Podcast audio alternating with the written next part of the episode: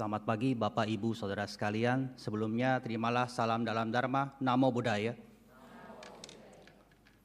Berbahagia sekali kita dapat bertemu bersama di Wara Dharma Sukapeluit di bulan uh, Maret ini. Mungkin saya perkenalkan diri saya dulu. Sebelumnya saya mengisi lebih banyak di kebaktian hari Sabtu, Sabtu malam ya. Saya sering lihat. Sudah lima kali saya mengisi kebaktian di hari Sabtu malam. Cuma hari ini uh, saya diberikan kesempatan pada hari Minggu pagi. Jadi saya akan perkenalkan diri saya dulu. Nama saya panjang Bapak Ibu Iwan Setiadi Kartadinata sebenarnya ya.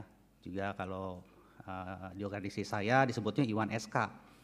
Bukan suka keluyuran, bukan ya. Juga disingkat Iwan Setiadi saja. Rumah saya di Pondok Gede, Bapak Ibu. Jadi tadi saya naik busway ke sini. Kerja saya di Cengkareng. Jadi bangun jam 4, pulang jam 10 malam. Jadi udah setiap hari seperti itu. Uh, sudah berkeluarga, anak saya satu perempuan 20 tahun, umur saya sudah 50 tahun Bapak Ibu. Ya, sudah tahun 69 saya lahir. Jadi saya udah setengah setengah tiang udah setengah tiang ya. Nggak tahu tiangnya panjang atau pendek gitu ya. Saya nggak tahu ya. Jadi dan kebetulan saya aktif di Majelis Agama Buddha Dharma Indonesia Magabutri bersama Romo Rudi Arijanto yang sering juga mengisi ya. Jadi itu saja yang perkenalan yang saya sampaikan. Berbagai sekali kita juga bertemu karena karma karma kita lah semuanya kita bisa bertemu ya. Kalau kita tidak bertemu nggak bisa kalau tadi saya suhunya di atas 38 mungkin nggak bisa ceramah saya gitu ya. Untungnya 36,4 jadi masih uh, normal lah ya. Baik, langsung saja pada hari ini tema yang saya sampaikan adalah mengenai tujuan hidup. Bapak Ibu saudara sekalian ketika kita lahir tentunya kita nggak ada yang tahu. Waktu lahir, lahir aja begitu ya. Nggak tahu papanya siapa, mamanya siapa. Begitu udah besaran mungkin kita baru sebanding-bandingkan papa saya gantengan yang di TV daripada yang di sini gitu ya. Mama saya cantikan yang di sinetron daripada yang di sini ya. Nggak bisa kita pilih. Kalau begitu tujuan hidup kita itu adalah seperti apa? Ada yang tahu? Tujuan hidup? Nggak ada yang tahu? Sebenarnya simple ya. Tujuan hidup kita adalah yang tadi dinyanyikan. Apa tuh? Bahagia gitu ya.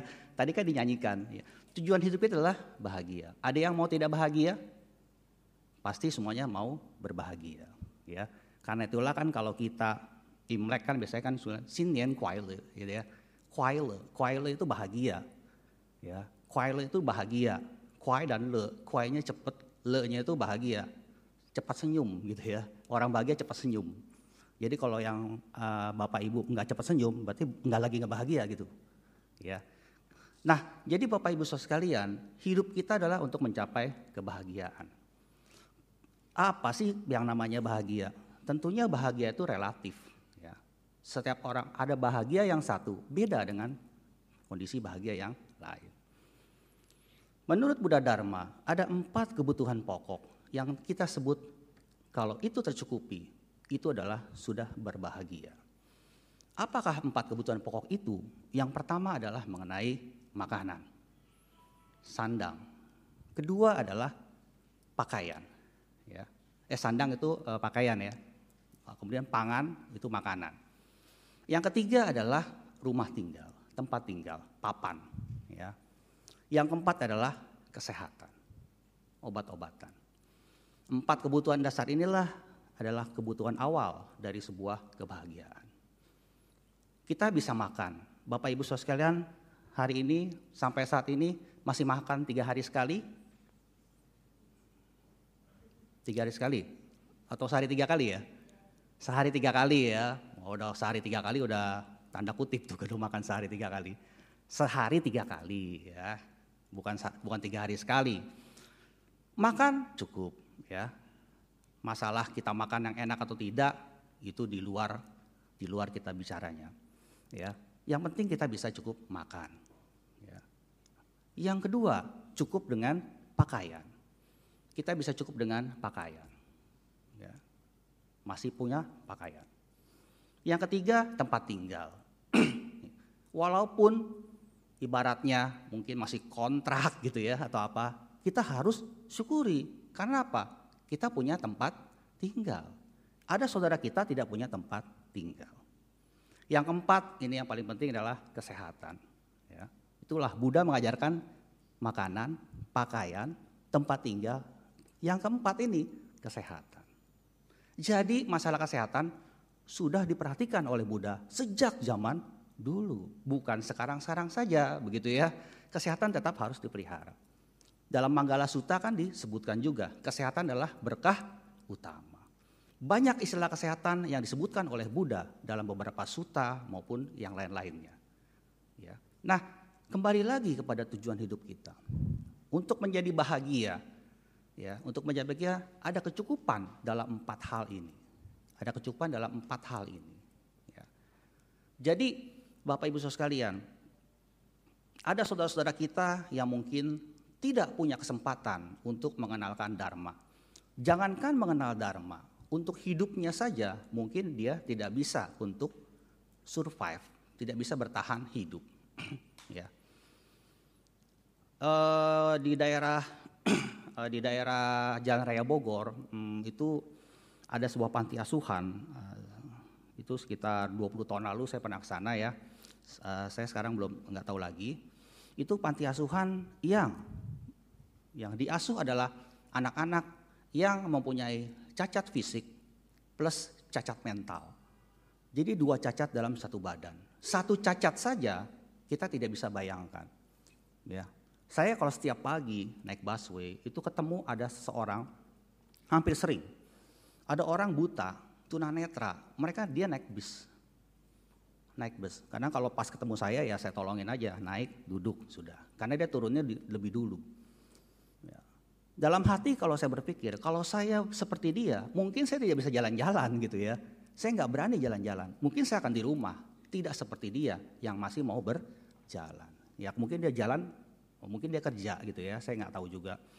Nah, jadi Bapak Ibu Saudara sekalian, banyak hal yang mungkin apa? Ada di bawah kita. Tapi kok kita yang ada di sini terlalu banyak mengeluh, mengeluhkan hidup kita. Nah ini yang kadang-kadang bisa membuat kita menjadi tidak bahagia. Nah kalau begitu tujuan hidup bahagia, kenapa Buddha mengajarkan hidup adalah duka? Kan jadi bingung gitu ya. Kan tujuan hidup kan bahagia. Toh diajarkan Buddha adalah hidup adalah duka. Duka ya, duka. Duka diartikan sendiri di, uh, di bahasa Indonesia sebagai penderitaan, penderitaan. Sama seperti sebenarnya dari bahasa Pali, duka itu sebenarnya tidak bisa diartikan sebagai penderitaan. ya, maknanya itu lebih daripada penderitaan. Ya. Inilah kalau bahasa itu agak sedikit beda, Bapak Ibu ya. Bahasa Pali ke bahasa Inggris, bahasa Inggris ke bahasa Indonesia. Nah, ini bahasa Pali ke bahasa Inggris. Duka itu suffering, penderitaan. Nah, padahal sebenarnya bukan itu. Orang Inggris saja bingung gitu ya. Dari suffering jadi penderitaan. Jadi bingung lagi kita ya. Oh hidup adalah penderitaan. Sebenarnya bukan itu. Sebenarnya kunci hidup adalah duka. Itu ada di yang kedua. Apa sebab duka? Adalah tanha, nafsu keinginan. Jadi duka itu sebenarnya adalah sebuah penderitaan yang diakibatkan karena adanya nafsu keinginan. Kalau begitu, apakah kita tidak boleh mempunyai nafsu untuk membuat bahagia? Boleh. Sebagai perumah tangga, ada diajarkan oleh Buddha. Kembali lagi kepada definisi kebahagiaan sendiri. Nah, jadi untuk bisa kita bahagia, tentunya kita harus bisa mengurangi yang namanya yang nafsu-nafsu keinginan. Kalau memang sudah dapat, ya sudah, begitu ya. Jangan lagi kita terus dan terus akibatnya apa? Dikuasai oleh beberapa keinginan-keinginan tertentu. Nah, Bapak Ibu sekalian, kebahagiaan ini tentunya kita berbicara yang pertama tahapan adalah kebahagiaan duniawi. Selena boga sampada. Ya, kebahagiaan duniawi. Kebahagiaan duniawi itu apa? Kebahagiaan yang tentunya keempat kebutuhan pokok itu sudah terpenuhi. Lebih dari itu lebih baik. Ya. Kebahagiaan duniawi ini tahapannya pun ada dua. Yang pertama adalah kebahagiaan karena bisa mendapatkan. Kalau kita bisa dapat kan enak ya Bapak Ibu ya, dapat ya. Itu enak gitu ya. Jadi berarti kita sudah mendapatkan kebutuhan duniawi. Ya, punya makan bisa makan bisa berlebih makannya gitu ya. Pakaian mungkin nggak sah-sah pakaian bisa lebih juga gitu ya. Macam-macam pakaiannya. Rumah ya tadinya mungkin ini punya rumah mungkin lebih dari satu. Oke, okay, nggak masalah gitu ya. Nah, kemudian juga sehat itu yang juga terutama. Jadi Bapak Ibu sekalian, kebahagiaan karena bisa mendapatkan. Nah, kemudian dari kita bisa dapat, ada lagi langkah kedua. Langkah kedua yaitu kebahagiaan karena kita memberi. Kebahagiaan kita memberi. Jika kita bisa kebahagiaan dalam kita memberi, kita sudah mau mencapai namanya kebahagiaan, uh, kebahagiaan alam bahagia. Ya, jadi bukan duniawi saja. Ya. Nah, jadi Bapak Ibu sekalian, ada sebuah cerita. Dalam suatu ruangan ada sekitar 50 orang sedang berkumpul. Jadi ada sebuah seminar di situ. Ya. 50 orang itu ya tahulah namanya pasti pakai di name tag-nya. Tiba-tiba kemudian si pengajarnya memberhentikan kelasnya. Stop bingung. Kok stop semuanya begitu ya? Akhirnya apa? Enggak lama kemudian si pengajarnya memberikan 50 buah balon kepada setiap ya. Jadi satu orang dapat satu balon. Bingung, ini apa dikasih balon gitu ya. Kemudian si pengajarnya memberitakan lagi, tolong tuliskan nama masing-masing di balon yang ada di depan Anda. Ya udah ikutin aja, tulis. Udah tulis? Sudah. Oke. Tolong balonnya ditinggal. Anda apa? E, membuat lingkaran gitu ya, buat lingkaran. Bangkunya diselesaikan. Jadi balonnya ada di tengah. Kemudian si pengajarnya mengatakan lagi, saya kasih lima menit kepada Anda untuk mengambil balon yang ada tulisan nambah Anda masing-masing. Wow, satu, dua, tiga, berebut semuanya gitu ya, berebut. Dalam waktu lima menit, wah ternyata, udah dapat semuanya, tidak ada satupun yang dapat balon dengan namanya mas, namanya sendiri, ya. Kok nggak bisa begitu ya? Kurang waktunya pak, gitu katanya ya. Oke, sekarang begini, taruh balonnya lagi, kumpul lingkaran. Sekarang saya kasih waktu lagi 5 menit. Tapi caranya dirubah. Kalau Anda ketemu balon dengan nama yang lain, cari orangnya, kasih balonnya. Uh, langsung satu, dua, tiga, tetap dapat ya udah. Karena punya name semuanya, dia tahu namanya. Kurang dari lima menit, balonnya semuanya dapat dengan namanya masing-masing. Bapak Ibu sekalian, ya itulah seperti itu gitu ya. Kalau kita sendiri sulit ya, tapi kalau kita mau memberi seperti yang tadi balon, oh namanya oh itu ada di situ ya, disamperin, dikasih. Akhirnya 50-50-nya dapat balon dengan namanya masing-masing dengan bantuan dari orang lain. Jadi Bapak Ibu Saudara sekalian, hidup ini kadangkala ya. Hidup ini kadangkala sebuah misteri, ya, sebuah misteri walaupun kita bertemu dalam sebuah karma, ya, tidak bisa kita mengatakan orang itu tidak baik, orang itu baik. Oh orang baik bisa hidupnya menderita. Kita tidak bisa bilang seperti itu. Tidak pada tempatnya kita menghakimi orang lain. Zaman Buddha ada cerita mengenai seorang bodhisattva, eh, seorang upasaka bernama Culakala. Saya pernah ceritakan waktu di kebaktian sore ya. Culakala. Culakala ini seorang upasaka. Beliau mendengarkan khotbah Dharma. Pada saat itu Buddha kalau khotbah Dharma di malam di hari Uposata di malamnya. Ya. Dulu nggak ada ojol, nggak ada nggak ada listrik gitu ya. Jadi kalau mereka datang terpaksa harus menginap, nggak bisa pulang, menginap. Pagi harinya Culakala kemudian ke pinggir sungai. Ke pinggir sungai, kemudian dia membersihkan mukanya tanpa disadari oleh Culakala Dari kejauhan ada seorang pencuri sedang berlari dikejar oleh orang-orang yang lain. Si pencuri kemudian melihat, oh ada orang lagi cuci, cuci muka deh, taruh aja barangnya di situ, dia kemudian lari. Culakala nggak tahu, begitu dia sudah selesai, tuh, kok ada barang di sini. Lagi dia bingung, tiba-tiba ada orang langsung dekat, dipukulin culakala. Culakala dipukuli. Untungnya Bapak Ibu sekalian, tidak lama kemudian ada serombongan gadis-gadis mau mencuci pakaian di sungai. Mencuci pakaian di sungai. kemudian para gadis ini kemudian berteriak-teriak. Pak, pak, jangan dipukul. Uh, kenapa nih gitu ya? Kemudian, Pak, orang ini orang baik. Kemarin dia mendengarkan khotbah Buddha. Wah, yang ngejar kan nggak ngerti ya, nggak kenal. Ya udah, dia lihat periksa barangnya nggak ada hilang, dia pulang. Cerita ini sampai ke telinga Buddha. Kemudian Buddha menjelaskan, kalau Culakala memang mendapatkan karma baik, bukan karena memang ada seorang gadis-gadis yang datang menolong dia, tapi memang karma baiknya pada saat itu sedang berbuah. Itu cerita mengenai Culakala. Kedua, cerita mengenai Mahakala. Mahakala seorang upasaka juga. Mahakala seorang upasaka. Sama seperti Culakala. Beliau juga menekan khotbah Dharma pada malam harinya, pagi harinya beliau mencuci muka juga. Jadi sama nih, kejadiannya sama. Kejadiannya sama. Ya. Cuman yang tidak kita tahu apakah mereka bersaudara, nggak tahu gitu ya. Nggak tahu. Kejadiannya sama. Pada saat Mahakala sedang cuci muka, juga ada pencuri yang lewat menaruh barangnya di samping Mahakala. Di samping Mahakala. Mahakala juga nggak ngerti. Tiba-tiba ada barang, toto dia ada orang deket dipukuli juga. Mahakala. Mahakala dipukuli. Tapi Bapak Ibu sekalian, kali ini tidak ada gadis-gadis yang mencuci pakaian.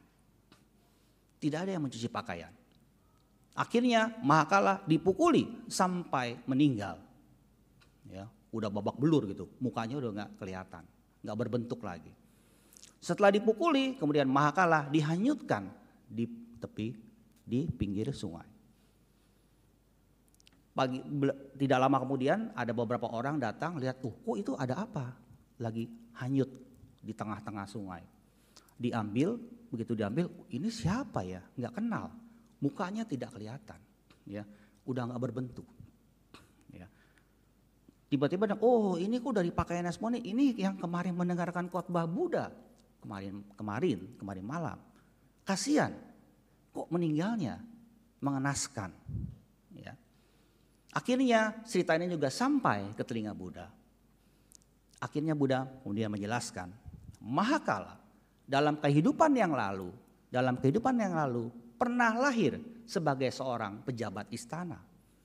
Pernah lahir sebagai seorang pejabat istana. Ya. Pada saat dia menjabat sebagai pejabat istana, dia suka dengan istri bawahannya.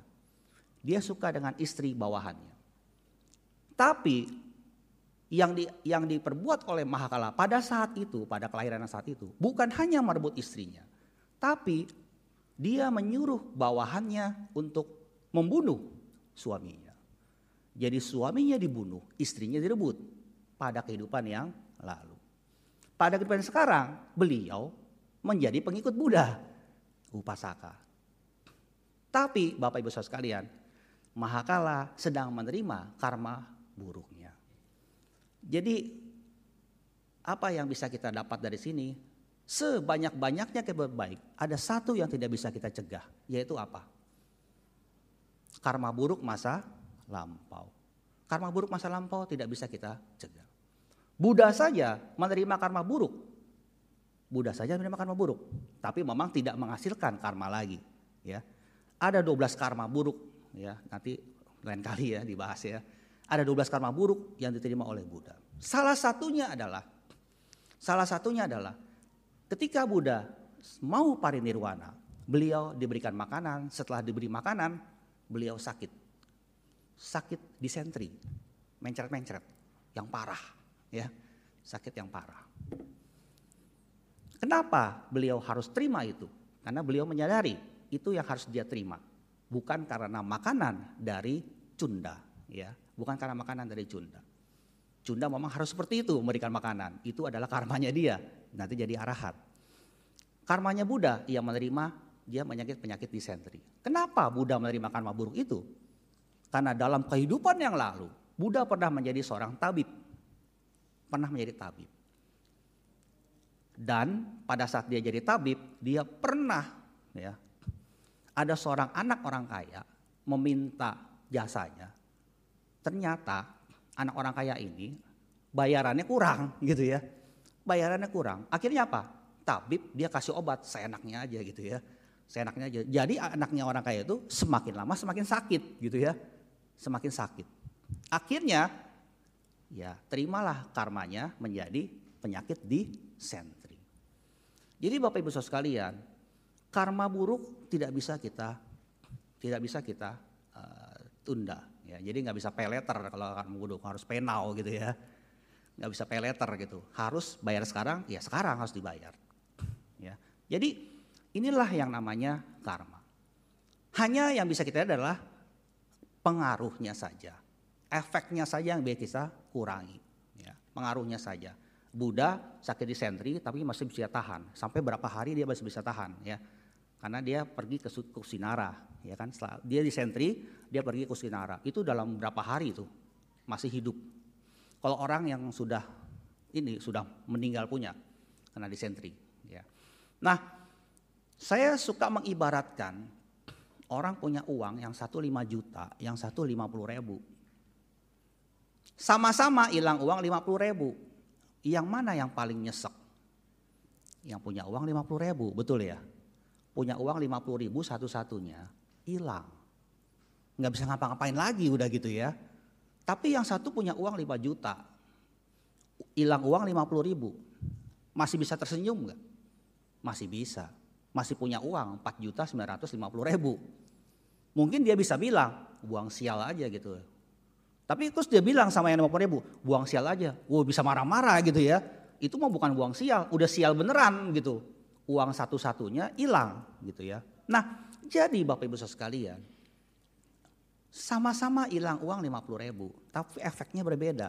Yang satu nyesel banget, yang satu ya masih bisa tersenyum. Ibaratnya kita punya karma baik yang mungkin satu melimpah, satu tinggal segini gitu ya. Sama-sama dapat karma buruk yang sama, yang melimpah mungkin tidak akan terasa. Kembali lagi pertanyaannya, apakah kita mengerti, apakah kita tahu karma baik kita sebanyak apa? Lahir jadi manusia aja udah kepake gitu ya. Kan berbahagia lahir sebagai manusia ya. Sulit ya lahir jadi manusia ya. Jadi kalau lahir jadi manusia, tabungannya udah kepake tuh. Banyak. Karena apa? Banyak yang ngantri mau lahir jadi manusia. Banyak yang ngantri. Jadi lagi manusia karma baiknya udah kepake banyak gitu. Jadi kalau lari manusia ya harus banyak-banyak lagi berbuat sesuatu yang baik.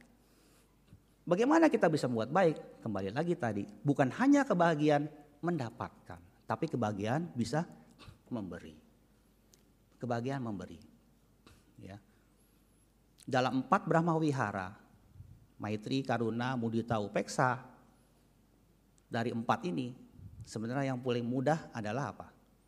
mudita. Simpati terhadap kebahagiaan orang lain, betul ya?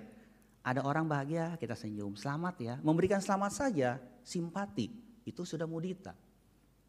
Tapi yang paling gampang juga lawannya mudita, yaitu adalah irsia, iri hati. Iri hati juga paling gampang. Ya. Kita juga mudah memberikan selamat, tapi juga mudah untuk melakukan iri hati. Nah, kembali lagi ya karmanya dia adalah karma dia, karma saya adalah karma saya. Jadi kalau ada orang membenci saya, saya sudah maafkan. Kalau dia masih benci, silakan saja. Saya tidak sudah membenci lagi. Mungkin saya tidak mendekat-dekat dia lagi gitu ya. Kalau dekat-dekat dia lagi mungkin bisa tambah lagi. Ya udah saya nggak, saya agak menjauh. Tapi saya sudah memaafkan dia. Inilah dia hidup. Kalau kita mau bahagia, mulailah kita memberi bukan hanya kita bisa mendapat. Sama seperti kita berdana gitu ya. Berdana adalah memberi. Ya. Berdana efeknya memang menjadi orang kaya. begitu ya efeknya. Tapi sebenarnya berdana itu melatih apa? Melepaskan kemelekatan. Ini yang penting bagi kita, melepaskan kemelekatan. Kabarnya Bapak Ibu, kabarnya orang mau meninggal itu ngelihat filmnya gitu ya. Kalau filmnya banyak yang jelek-jeleknya, lahirlah di alam yang jelek begitu. Jadi kalau gitu, yang jelek-jelek dibuang aja, digunting-guntingin aja gitu yang buang gitu ya. Bagaimana cara buangnya? Jangan diingat-ingat. Gitu ya. Jangan diingat-ingat. Ada satu cerita seorang nenek happy terus gitu. Ditanya sama cucunya. Nek, nenek kok senang-senang aja ya hidupnya ya? Apa rahasianya? Kemudian si nenek bilang, selama hidup nenek selalu bawa dua kantong. Yang satu kantongnya bolong, yang satu tidak. Dalam sehari-hari, nenek kalau misalnya ketemu mas, ada peristiwa yang jelek-jelek ataupun yang bagus, nenek selalu tulis di kertas. Kalau jelek, kertasnya nenek masukin di kantong yang bolong. Kalau yang bagus-bagus, nenek masukin di kantong yang nggak bolong. Begitu malam sebelum tidur, nenek buka, ambil, baca satu-satu. Kecucunya kemudian yang bertanya, loh kalau gitu nenek bacanya yang baik-baik aja dong. Ya iyalah, ngapain yang buruk-buruk dibaca gitu ya. Yang buruk-buruk dibuang aja gitu ya. Jangan disimpan, jangan disimpan. Ya. Karena apa? Ya itulah nanti. Ya. Kita tidak tahu kapan kita meninggalkan dunia ini. Enggak ada yang nggak ada yang tahu ya. Jadi uh, suka atau tidak suka ya kita harus tetap bagaimana kita bisa mempersiapkan diri kita dengan sebaik-baiknya. Karena yang namanya bahaya dan penyakit sekonyong-konyong itu bisa datang gitu ya tanpa kita minta. Dan itu karena ya karma kita. Tapi sekali lagi Bapak Ibu, jangan kalau melakukan apa-apa, jangan nyanyi terimalah karmamu dulu gitu ya di kala daku tertimpa derita. Belum ngapa-ngapain gitu ya. Kerja dulu, usaha dulu. Masalah karma nomor dua. Jangan ya udahlah mau selamat selamat nyebrang di seberang gitu ya. Ya udah kalau memang saya selamat saya sampai seberang. Kalau nggak ketabrak udah kan nggak bisa begitu. Nggak bisa begitu. Dalam pada dikatakan kalau kita menyayangi diri kita, kita harus melindungi diri kita dengan baik, ya betul ya. Harus menjadi diri kita baik. Kalau udah nggak sayang sama diri sendiri, ya udah silakan silakan saja. Tapi kita memang harus melindungi diri kita dengan baik. Nah, kebahagiaan ini kebahagiaan bukan hanya bisa dapatkan mendapatkan saja, kebahagiaan karena memberi. Ada satu lagi, bagaimana kita bisa mendapatkan sebuah kebahagiaan? Mulai dari cara pandang kita. Cara pandang kita juga harus diubah. Ya, jangan kita berpikir secara negatif, berpikirlah secara positif. Ada satu cerita, ada seorang nenek-nenek, banyak nenek-nenek ya ceritanya gitu ya. Soalnya di mana-mana ya banyakkan perempuan gitu ya. jualan, ada jualan dia. Jualan di samping wihara. Kalau terus ada seorang anak muda kalau lewat ngeliat tuh nenek tuh kok kalau yang tadi neneknya bahagia, yang ini nggak bahagia nih gitu ya, yang ini nggak bahagia. Cemberut aja gitu ya Hari sekarang cemberut, besok cemberut lagi, terus cemberut lagi. Ini kenapa tuh nenek cemberut gitu ya? Ditanya, Nek kenapa sih? Kok nenek kelihatannya sedih terus? Kemudian dijawab, Cuk, soalnya saya punya anak dua. Yang satu jualan payung, yang satu jualan sendal, sendal jerami. Terus kenapa sedihnya? Nenek suka sedih kalau musim hujan, nenek ingat anak nenek yang jualan payung, nggak laku dia. Ya, kalau eh kalau musim panas, kalau musim panas yang jualan payung nggak laku, tapi yang jualan sendal jerami laku. Tapi kalau lagi hujan, anak nenek yang satu yang jual payung laku, yang sendal jerami yang nggak laku, eh, kan becek masih pakai sendal jerami kan nggak mungkin. Jadi itu nenek sedih. Oh, Begini aja nek, bagaimana kalau lagi musim hujan, nenek ingat anak nenek yang jualan payung. Kan laku. Kalau lagi musim panas, nenek ingat anak nenek yang jualan sendal rumput, sendal jerami. Kan laku juga. Oh iya ya. Jadi sejak itu si nenek selalu tersenyum. Karena dibalik cara pandangnya gitu ya. Ya kalau kita cara pandangnya selalu begitu ya nggak bisa. Ya. Merubah cara pandang juga salah satu mendapatkan kebahagiaan. Kebahagiaan itu adalah sesuatu yang kita mau tentukan atau tidak. Kita bahasa bahagia atau tidak. Ya kan? Oh ini saya nggak buat bahagia. Oh ini. Nah jadi inilah ya yang membuat orang tidak bahagia karena memang keinginannya dan juga karena kebahagiaan dia bukan dari memberi, tapi dia dari mendapat. Kalau semuanya saling memberi, semuanya pasti bahagia. Ya, semuanya pasti bahagia. Ibarat kalau orang pacaran gitu ya, orang pacaran kan lagi senang-senangnya tuh, nggak ada nggak ada ngomel-ngomel, karena kedua-duanya mau saling membahagiakan, saling memberi gitu ya. Tapi juga nanti setelah berumah tangga juga seperti itu gitu ya. Jangan kita ini loh saya nggak bisa, kamu siapa? Ya, saya mau mengenal kamu. Nah, Bapak Ibu tentunya sudah banyak yang sudah berkeluarga semuanya, saya yakin sudah makan asam garam dan lain-lain lah gitu ya. Sayur asam lah pokoknya gitu ya. Banyak di situ sayur asam ya. Nah jadi bahagia itu adalah ya memang relatif. Bahagia itu memang relatif ya. Tapi setidak-tidaknya kita harus bisa mengurangi yang namanya keinginan. Ego kita harus dikurangi. Ego kita harus dikurangi. Itu yang paling penting. Ya. Nah, jadi Bapak Ibu sekalian, yang diajarkan oleh Buddha ya tidak bertentangan dengan kalau misalnya tujuan hidupnya memang bahagia ya memang itu cuma untuk jadi seperti itu ya sadari dulu hidup ini adalah duka segala sesuatu yang berproses untuk jadi itu kita harus mengurangi yang namanya tanha kalau kita sudah berkurangi sampailah kita menjadi bahagia yang pertama kebahagiaan duniawi dulu yang kita bisa capai berikutnya kita tahapan kata kebahagiaan surgawi kebahagiaan alam bahagia Bagaimana untuk capai ke sana? Kebahagiaan itu bukan hanya kita dapat, tapi juga kita bisa memberi. Ya. Nah inilah dia Bapak Ibu sekalian. Jadi sebenarnya hidup manusia itu ya memang seperti itu. Maunya yang enak-enak saja, maunya yang bahagia.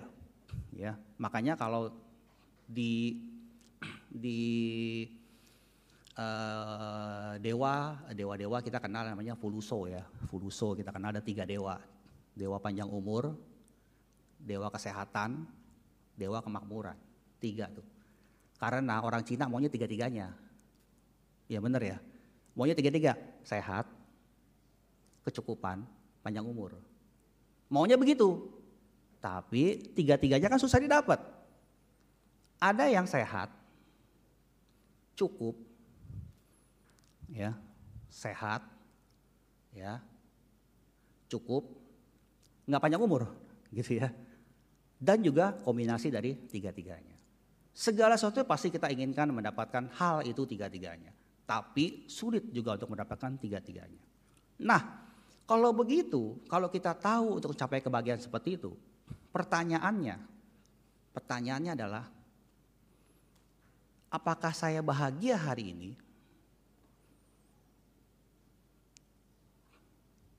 Pasti jawabannya, saya nggak bahagia. Saya enggak gitu ya. Oh saya bahagia. Jadi bahagia tidak bahagia. Kepada kita Bapak Ibu Saudara sekalian, harusnya pertanyaan itu jangan apakah saya bahagia hari ini.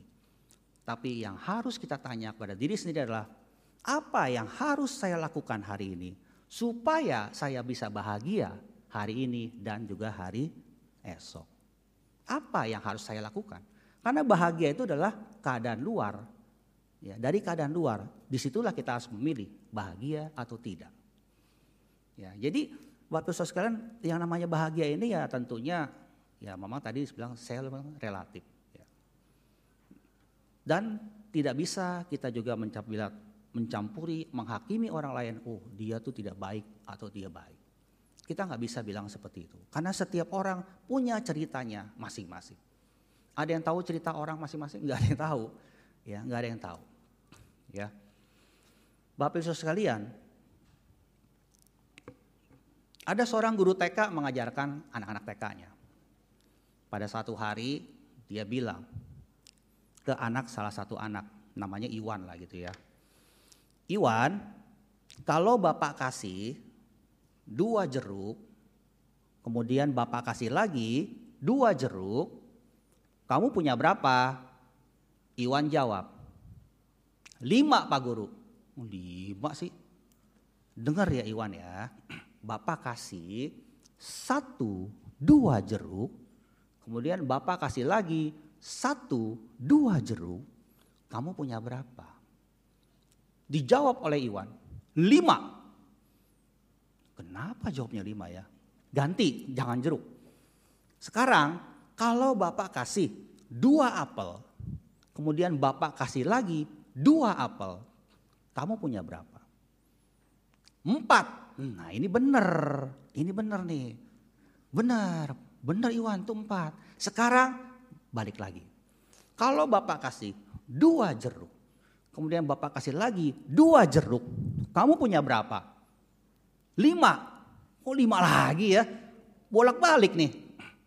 Kemudian Pak Gurunya tanya, Iwan, kenapa waktu Bapak bilang, Bapak kasih dua jeruk, kemudian Bapak kasih dua jeruk, kamu bilang ada lima. Tapi waktu Bapak bilang dua apel dan dua apel, kamu punya empat. Kenapa? Kemudian Iwan menjawab, karena Pak Guru, tadi pagi saya dikasih jeruk sama mama saya. Ada di dalam tas. Jadi saya punya lima jeruk. Begitu kata si Iwan gitu ya. Ya salah nanyanya. Coba kalau bilang ya, kalau ada dua jeruk tambah dua jeruk berapa? Kan empat. Ya anak TK dibilang kalau bapak kasih ya dikasih. Dikasih dua jeruk. Dikasih lagi dua jeruk. Di satu ada dalam tas. Ya lima gitu ya. Lima Iwan jawabnya. Tapi kalau apel dia nggak dikasih apel tadi pagi. Sama mamanya dikasih jeruk bukan dikasih apel gitu ya. Jadi ya jelas kalau dia bilang bapaknya ngasih dua jeruk dua jeruk ya jadi lima. Satunya dalam tas. Apel ya nggak ada di dalam tas. Jadi empat. Nah setelah itu baru bapak gurunya tahu, oh iya pantesan aja ya dijawabnya lima gitu ya. Nah jadi bapak ibu saudara sekalian, inilah yang katanya apa? Setiap orang punya ceritanya masing-masing. Kita nggak bisa bilang, Iwan nih bodoh ya. Udah dibilang hmm, dua kasih dua, jadinya kok lima gitu ya. Ya karena ada satu dalam tas, ya kan nggak tahu pak gurunya. Setelah Iwan ngomong, baru dia tahu. Oh iya bilang bener juga lima gitu ya. Ngasihnya dua empat, ada satu. Mamanya ngasih, kan belum dihitung. ya. Jadi Bapak Ibu sekalian, tugas kita adalah bagaimana kita melakukan apa yang memang harus kita lakukan. Bukan menghakimi orang lain gitu ya. Kita boleh tahu, tapi tidak perlu kita menghakimi orang lain. Biarkanlah dia dengan karma dia. Kalau memang saya tugasnya menasihati, ya menasihati saja. Ya, kalau memang masalah dia oke okay atau tidak, ya silakan. Itu adalah karmanya dia bukan karma saya. Ya. Nah, jadi Bapak Ibu Saudara sekalian, inilah yang harusnya kita lakukan kalau kita mau menjadi bahagia. Ya. Bahagia itu bukan dari sesuatu yang e, terjadi begitu saja. Bahagia itu harus kita tentukan. Saya mau bahagia atau tidak. Kalau saya mau bahagia, saya harus ngapain? Ya. Kalau saya mau bahagia, saya harus ngapain? Jangan tiba-tiba bahagia itu datang sendiri gitu ya. Bukan itu. Ya. Harus aktif. Harus aktif. Ya. Bukan pasif. Ya. Segala sesuatu yang dilakukan oleh Buddha adalah aktif, bukannya pasif. Ya. Nah, jadi Bapak Ibu sekalian, inilah dia yang namanya kebahagiaan ya, dipandang dari sudut agama Buddha. Tidak ada bertentangan dengan diajarkan oleh hidup adalah duka, tidak ada. Ya. Tapi memang diajarkan dulu yang seperti ini. Nah, itu tujuannya apa? Ya mau jadi bahagia seperti apa? Bertahaplah kita bahagia. Kebahagiaan duniawi, kemudian kebahagiaan alam bahagia, ya. Baru kebahagiaan yang ketiga adalah kebahagiaan mencapai nirwana. Tapi untuk capai nirwana ya tentu butuh sesuatu hal yang lebih banyak lagi harus kita lakukan. Tapi minimal kita lahir sebagai sudah berkecukupan, nanti lahir lagi sebagai manusia mungkin yang berkecukupan juga, atau lahir di alam dewa. Di kebaktian sore saya pernah mengajarkan jalan menuju surga. Ya, saya pernah uh, sampaikan itu karena sebenarnya di agama Buddha mencapai surga itu lebih mudah ketimbang di yang lain. Surga kita ada 26, banyak, tinggal pilih-pilih aja gitu ya. Tapi neraka juga banyak juga gitu ya. Nerakanya banyak. Cuma memang sayangnya kalau yang sudah pergi ke sana nggak di WA-WA-in gitu. Coba kalau ke sana udah WA gitu ya. Pasti dibanting sampainya masa udah meninggal WA ya. Nah, jadi Bapak Ibu sekalian, inilah dia uh, yang saya sampaikan mengenai kebahagiaan itu sendiri. Ya. Jadi kembali lagi pertanyaan kita, mau nggak bahagia? Kalau mau, kita harus ngapain? Bukan kita harus terima aja, udahlah terimalah kalau bahagia bahagia, enggak enggak gitu ya, enggak bisa begitu. Nggak bisa lah kita harus terimalah karmamu tapi belum ngapa-ngapain. Tetap harus lakukan dulu. Setelah karma itu ya, karma itulah masalah nomor dua. Ya, terjadi, ya kalau mau sudah terjadi ya terjadi. Kalau tidak ya tidak. Ya. Karena apa? Karena yang namanya kehidupan itu tidak pasti. Yang namanya kehidupan tidak pasti. Kita ini sebar ini sebenarnya kalau diibaratkan sedang lama sama-sama lagi nunggu. Nunggu apa? nunggu dipanggil aja gitu ya. nunggu dipanggil gitu ya.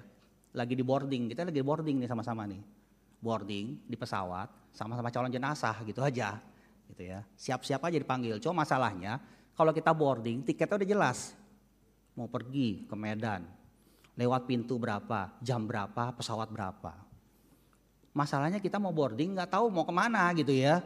Boardingnya nggak tahu kartisnya kosong. Masuknya juga nggak tahu gitu mau masuk mana gitu ya. Pesawatnya pun juga nggak tahu pesawat yang mana. Tahu-tahu lima menit lagi itu keluar gitu. Iwan lima menit lagi siap-siap ke neraka gitu ya. Waduh bagaimana tuh gitu ya? Nggak bisa. Ya harus kita bagaimana mau bahagia? Ya kita harus bisa banyak memberi. Kurangi ego ya kurangi ego. Ya jadi itu yang memang harus yang banyak kita lakukan Bapak Ibu Saudara sekalian, saya di tempat kerja kenapa masih mau menjadi Dharma Duta? Ya karena itu satu ya, mengurangi ego. Menjadi pengurus, mengurangi ego loh ya. Pengurus itu banyak berbuat baik. Kenapa? Berbuat baik aja juga banyak dicela. Apalagi kurang baik gitu ya. Nyiapkan acara baik aja dicela gitu ya. Apalagi nggak baik. Ya tapi ya udah terima itu sebagai karma buruk yang sudah harus dibayar. Kan enak terima karma buruk. Daripada ditumpuk-tumpuk karma buruknya menggunung gitu. Ntar lahirnya di tempat yang lain gitu ya. Ya udah dihabisin aja dulu di sini gitu ya. Jadi mengurangi ego ini yang memang sulit. Ya sulit bagi kita. Ya setiap orang masih punya egonya masing-masing.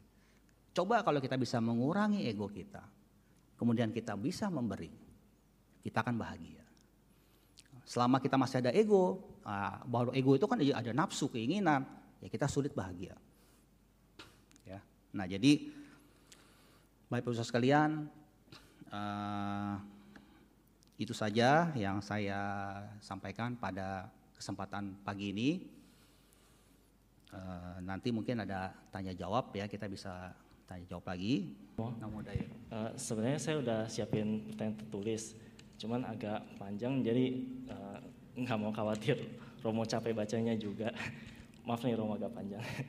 Uh, tolong disimak dulu aja mungkin ya Romo bisa menanggapinya kemudian. Uh, umat yang kewihara istilahnya mencharge batin kembali setelah sepakan beraktivitas. Di wihara kita bisa melakukan sepaket kebajikan pemupukan karma baik, mulai dari membaca parita, bermeditasi, menerangkan dhamma desana, berdana, dan bersosialisasi. Pertanyaan saya, kalau kita jadi tidak bisa ke wihara sehubungan dengan mewabahnya virus corona atau COVID-19 atau karena sakit, bagaimana cara-cara efektif yang dapat kita lakukan untuk mencas kembali batin supaya tetap baik dan seimbang atau penuh dengan meta, karuna, mudita, dan UPK. Yang kedua, selain melakukan tindakan nyata dengan menjaga kebersihan dan kesehatan diri sendiri, keluarga, dan lingkungan sekitar untuk meminimalisir wabah virus corona atau COVID-19, atau penyakit lainnya, parita apa yang efektif untuk dibaca dengan tujuan semoga bencana atau penyakit wabah dapat segera berlalu. Apakah cukup dengan membaca parita seperti Sabitio, Karanimeta Sutta, atau Etawata? Atau ada parita lain yang efektif juga? Memang kalau sudah karma buruk berbuah, itu sudah menjadi konsekuensi kesalahan kita. Tapi saya yakin dan percaya, kalau kita bertobat dengan sungguh hati dan melakukan banyak karma baik, kekuatan dari membaca parita yang kita bacakan dengan penuh ketulusan dan keyakinan dapat membangkitkan karma baik untuk berbuah. Untuk dapat kita eh, doakan dan limpahkan kepada umat juga. Mohon kiranya Romo dapat mengajarkan parita tersebut. Demikian Romo, mohon maaf karena agak panjang. Terima kasih Romo, semoga sehat selalu. Romo Ayo Mano Sukang Balang Soti Hontu Namo Buddhaya.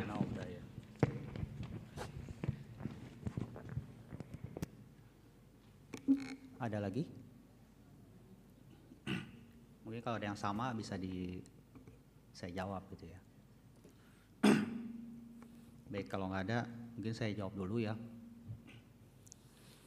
Jadi yang pertama itu bagaimana mencas batin gitu ya. Jadi Bapak Ibu Saudara sekalian sebenarnya ketika Bapak Ibu Saudara sekalian membacakan parita itu sebenarnya sudah mencas batin Bapak Ibu Saudara sekalian. Setiap hari kita berdoa dan membacakan parita. Ya. Jadi sebenarnya Bapak Ibu Sosial itu sebenarnya Dharma Duta juga, gitu ya. Dharma Duta pasif, tidak di sini. Karena Bapak Ibu Sosial yakin kalau ketika kita membacakan parita, ada makhluk-makhluk yang tidak kelihatan, yang mereka akan berhenti dan mendengarkan yang apa yang kita sedang bacakan. Jadi uh, ini ada beberapa uh, bagi orang-orang yang sudah bisa melihat atau mungkin ada yang uh, indigo ya istilahnya ada indigo ya zaman sekarang banyak yang indigo bapak ibu ini mungkin karena akibat sebelum-sebelumnya banyak yang suka latihan meditasi. Jadi latihan meditasi itu akibatnya hanya dua ya. Dia lahir jadi orang jenius kalau nggak indigo udah dua aja tuh. Ya, jenius kan ada orang jenius ya.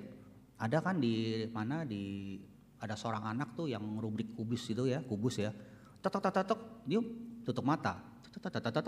Dapat langsung gitu ya. Bayangkan, itu kan berarti dia ngelihat dulu, ya kan? Dia ngelihat dulu posisinya di mana semuanya begini, dia tutup mata itu kayak bayangkan ada di sini gitu, ya. Di, jadi kayak dia lihat-lihat, dia bisa transfer ke sini, ya. Dan itu bisa terjadi, karena memang kemampuan pikirannya sedemikian sedemikian hebatnya. Dan itu hanya bisa didapat ketika dalam kehidupan yang lalu memang dia melatih meditasi melalui meditasi sehingga begitu lahir ya kalau nggak indigo ya jenius gitu ya. Nah jadi e, bencas batin ini memang harusnya bukan hanya Bapak Ibu sekalian tuh seminggu sekali ke wihara, bukan gitu ya. Tapi juga harus membacakan parita setiap hari. Jadi kalau kita di rumah pagi, saya kalau pagi itu mau sebelum kantor ya sembahyang dulu atau apa ya.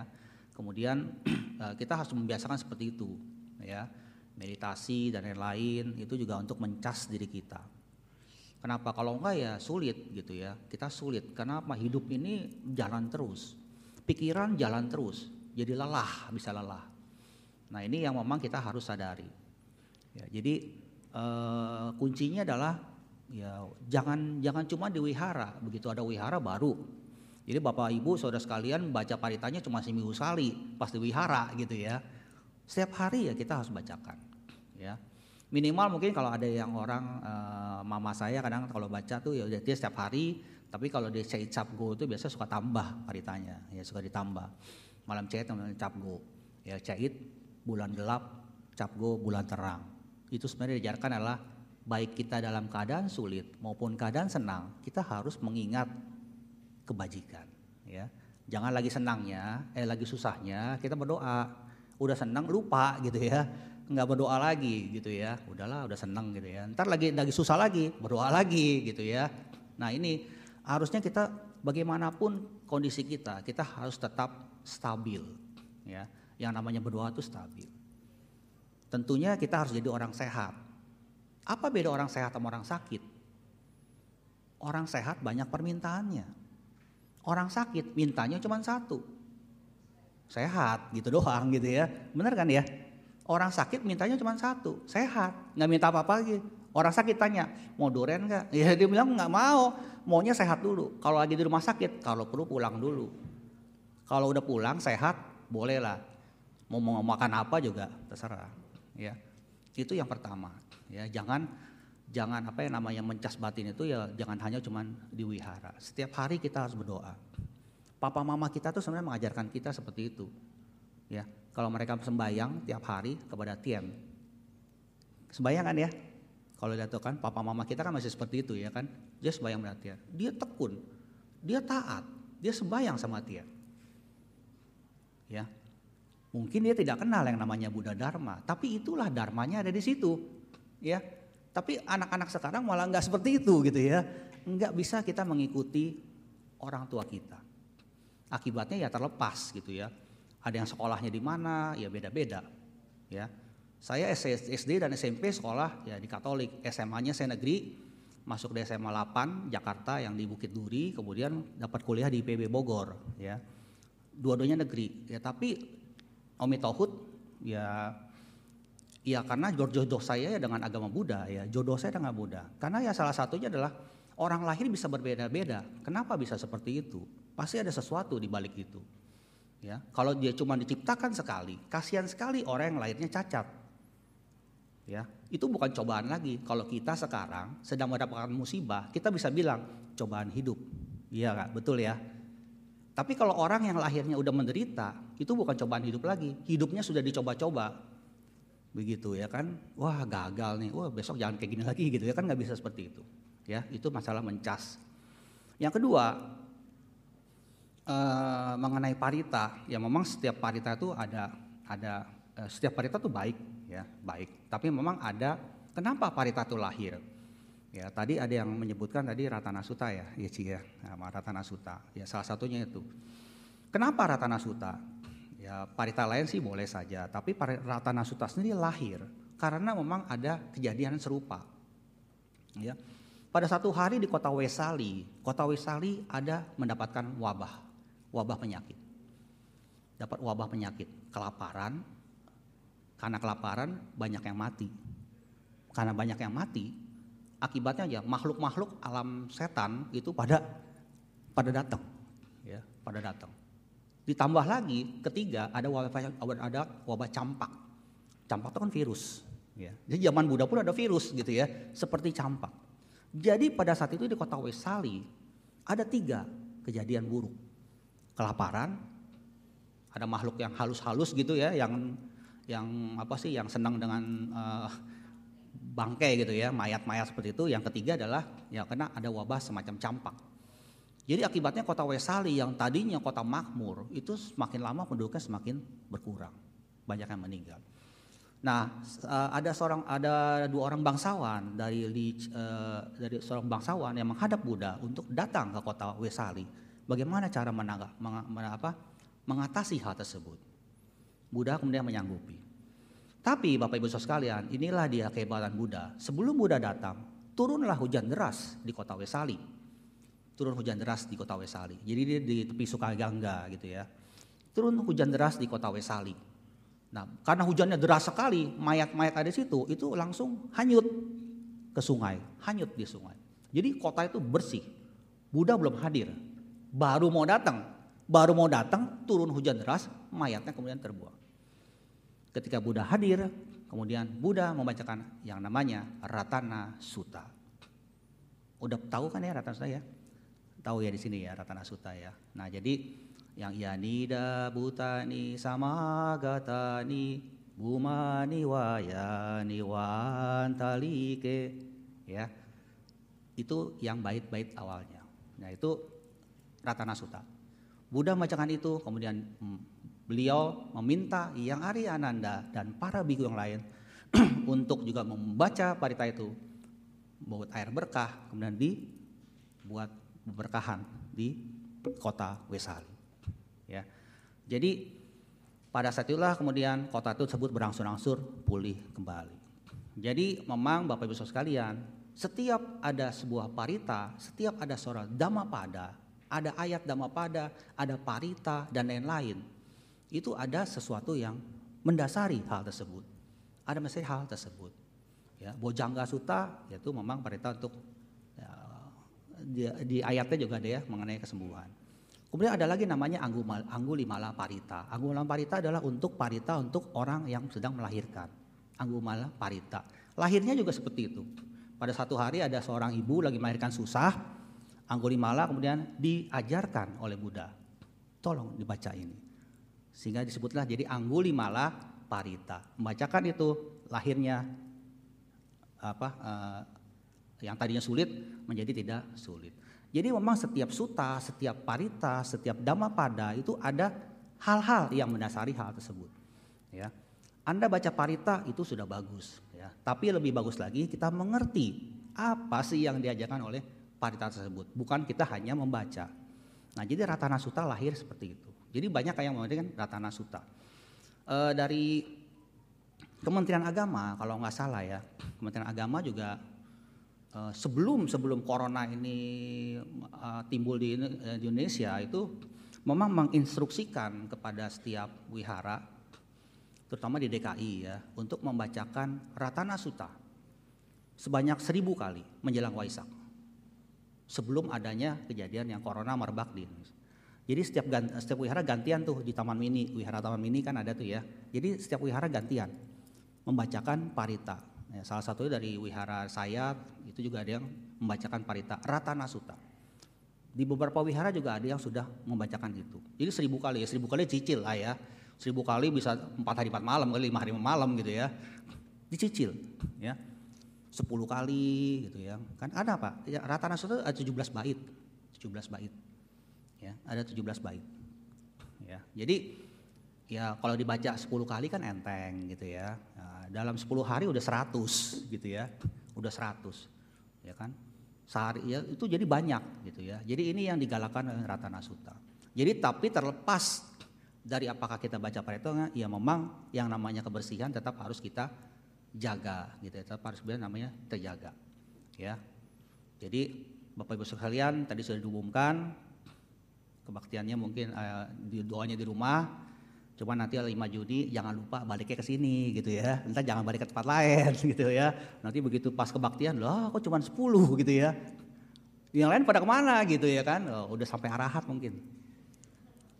Udah sampai gitu ya. Udah selama selama dua bulan mungkin di rumah ya, meditasi. Udah sampai bisa terbang-terbang gitu ya. Udah terbang gitu. Saking terbangnya udah kebalik-balik lagi gitu ya udah terus gitu ya udah sampai nirwana mungkin ya jadi nggak balik-balik ke sini gitu jadi tinggal 10 Ya, jangan lupa balik lagi ya.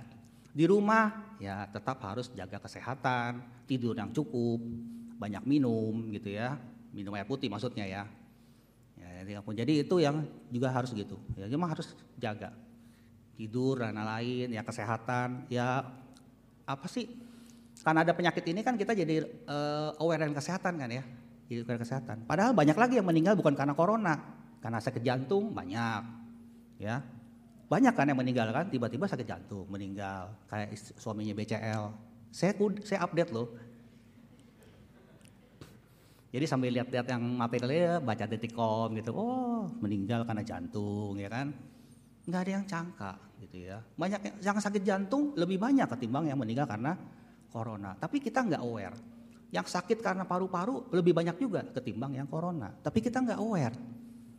Ya kan? Banyak. Yang sakit kanker itu banyak sakit kanker banyak loh. Ya, sakit kanker yang mungkin uh, kanker rahim, kanker payudara, kanker prostat itu banyak banyak. Cuman ya nggak karena udah biasa. Ya, udah biasa. Ya ini ya karena yang biasa jadinya dia jadi booming. Ya. Ini sama kasusnya seperti waktu virus influenza ditemukan di Inggris ya. Akhirnya baru ketemu yang namanya antibiotiknya. Ya, ketemu. Ya, tapi itu sudah ya berapa orang sudah meninggal punya. Ya karena memang vaksin itu ditemukan ya dari virus. Virusnya ada dulu, baru vaksinnya ada. Gitu, ya. Jadi itu saja yang saya bisa jawab ya. Ya terlepas dari misalnya kita baca Ratana Sutta tapi habis itu kita jorok-jorok kita ya tetap aja kena gitu ya. Tetap harus bersih, jaga makanan dan lain-lain ya. Setiap orang bisa kena. Ya. Tapi ingat bukan hanya karena corona gitu ya. Bisa kena juga yang lain. Bisa jadi karena ngemikirin corona jadinya mati gitu ya. Lagi mikirin tengah jalan ketabrak kan mati gitu ya. Gitu. Ya bener kan ya? Iya gitu. Itu karena gara corona mati ketabrak. Kok bisa mati ketabrak? Ya lagi lagi mikirin tengah jalan. Ya tabrak mati ya langsung ya. buat besok. Ya kan? Oke ya. Ada lagi pertanyaannya?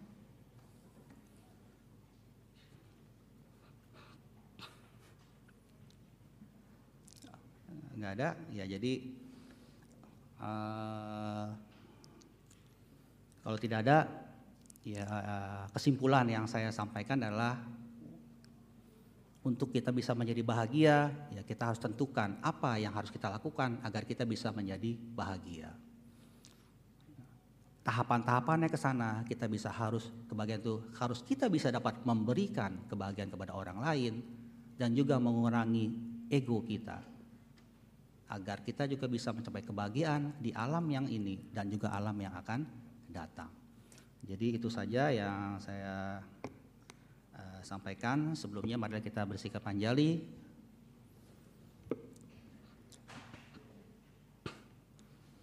Yang kinci ratanang loke wijati wiwida putu Ratanang budang samanati tasma soti bawantu te Yang kinci ratanang loke wijati wiwida putu Ratanang dama samanati tasma soti bawantu te yang kincira tenang loke wijati wiwida putu.